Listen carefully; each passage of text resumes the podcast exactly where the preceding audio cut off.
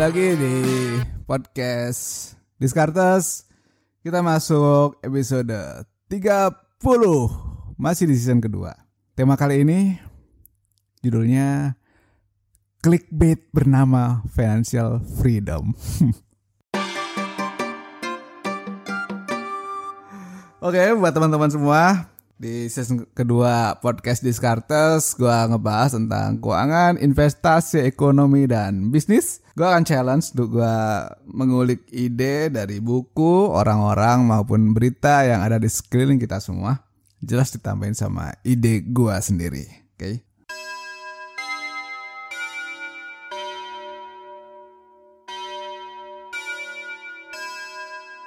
Hai alien sekalian. Kalian hidup di mana? Hidup di dunia yang penuh dengan utopis kayak gini atau di yang seperti apa sih? Apa sih yang sering kalian search di Google, di YouTube? Financial freedom? Really? Gue nggak akan menyindir siapa pun di sini ya. Tapi gue mau kasih perspektif tentang financial freedom. Buat gue dan logikanya, financial freedom itu bukan berarti lu nggak ngapa-ngapain terus dapat duit ya nggak ada yang kayak gitu kecuali lo punya jin yang dipelihara gitu kan. Tapi kan siapa sih di antara kalian yang punya jin? Ya mungkin ada. Mungkin. Tapi tidak semudah itu sobatku. Mau sobat miskin atau sobat kaya nggak semudah itu. Memang sebenarnya statement financial freedom itu terus dicari. Baik di era 90-an, 80-an, 2000-an, 2010 sampai sekarang masih dicari. Karena kan kayak gambaran ideal buat kita-kita yang masih muda gitu kan. Ketika ngeliat orang lain apalagi yang sering nonton film kok kayaknya enak ya bisa jalan-jalan keluar negeri tanpa mikirin kerjaan di belakangnya.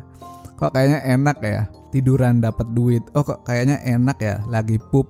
Eh transferan masuk. Ya pup transfer masuk. Oke okay lah ya pokoknya kayak gitu finance freedom juga identik sama uang kerja buat kita. Itu gue pernah denger pas gue lulus SMA gue udah denger gue lulus kuliah gue udah denger gue lulus sebagai karyawan gue juga masih denger. Even sekarang gue masih denger itu. Kayaknya itu slogan yang nggak ada matinya emang sih. Kalau gue lihat di berbagai judul mau itu di YouTube atau di website masih banyak itu jadi barang jualan. Karena semua orang nyari. Simple. Kan banyak kan yang angkat tema sukses di usia muda harus seperti ini ini ini gitu. Menjadi miliarder ketika masuk 20-an gitu.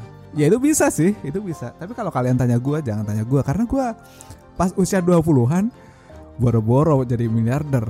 Harus bertahan hidup gue men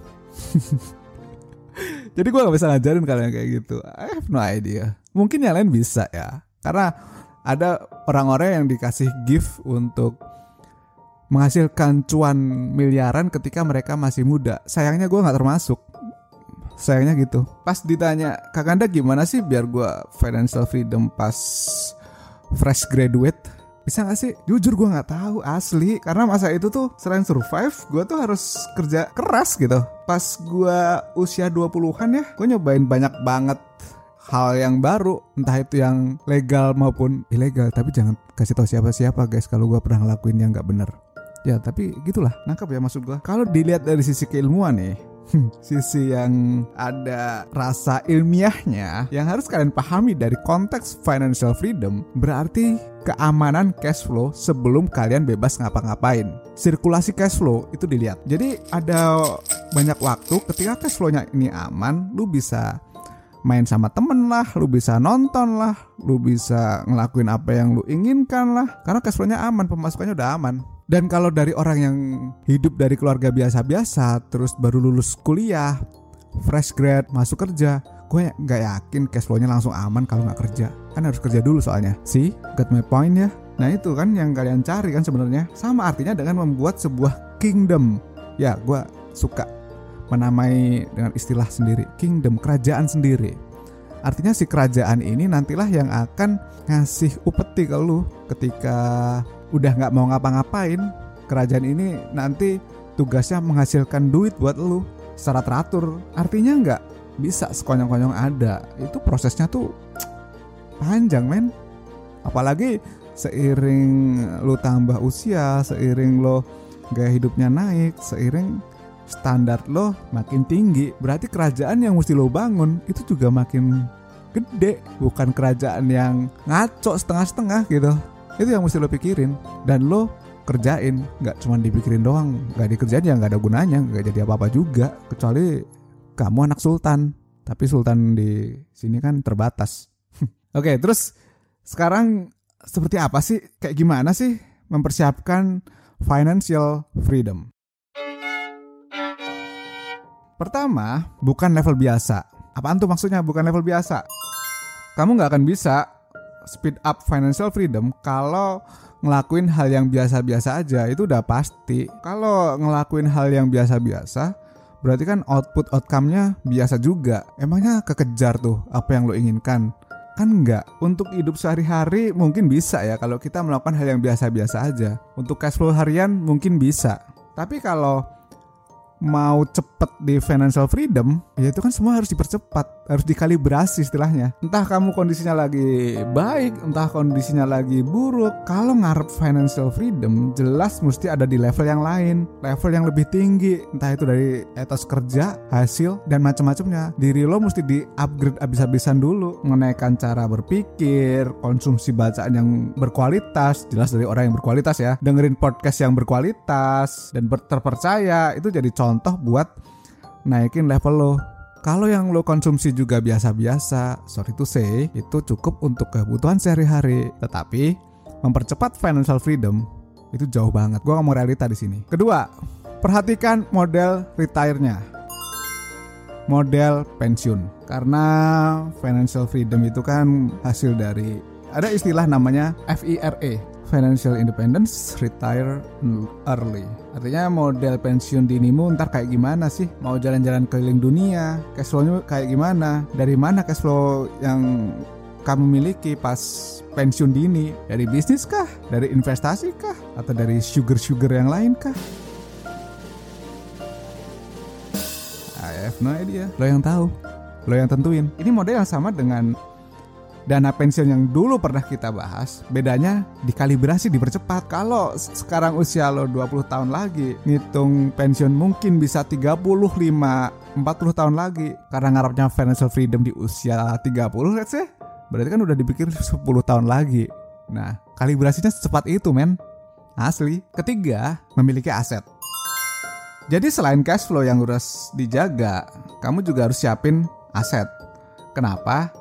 Biar cash flow kamu nanti nggak digunain buat mulai beli aset. Karena udah ada duluan jadi nggak pusingin itu lagi. Entah itu mobil entah itu rumah entah itu yacht entah itu pesawat terbang. Terserah. Yang penting aset apa yang lu perlukan nanti udah tersedia. Termasuk juga investasi udah ada plus perlindungan asuransi. Nggak mungkin kan dua hal itu nggak ada. Kalau ngomongin bebas finansial. Yang keempat update kita memang bicara konteks finance, tapi kadang muncul opportunity di tengah jalan. Gua sarankan kalian untuk update dengan perkembangan zaman. Entah apa pun profesi kalian sekarang. Entah itu dokter, entah itu lawyer, entah itu IT consultant, apa pun itu, selalu update perkembangan zaman. Karena siapa tahu justru ini jadi tiket lo nanti untuk menggapai financial freedom ternyata ada project loh yang bisa ngasilin berkali lipat dan lu bisa dapat karena tahu informasi itu. Siapa yang tahu? Makanya update informasi itu penting. Update diri atas kondisi sekeliling. Mau itu situasi kerjaan peluang cuan di bisnis yang baru atau hanya sekedar berita lo update ya. Jadi upgrade tadi udah dibahas sekarang update. Dan yang kelima tidak lepas tangan.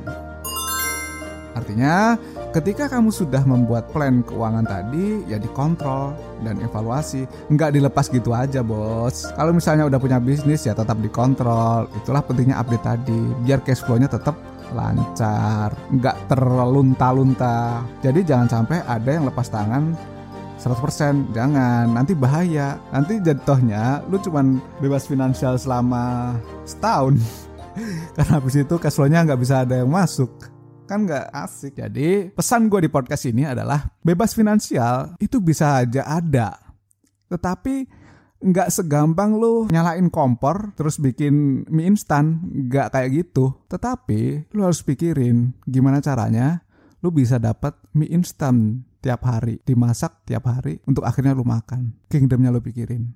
Oke? Sampai jumpa lagi di podcast Discartes episode selanjutnya mudah-mudahan lu tetap sehat waras dan stay thank you and bye bye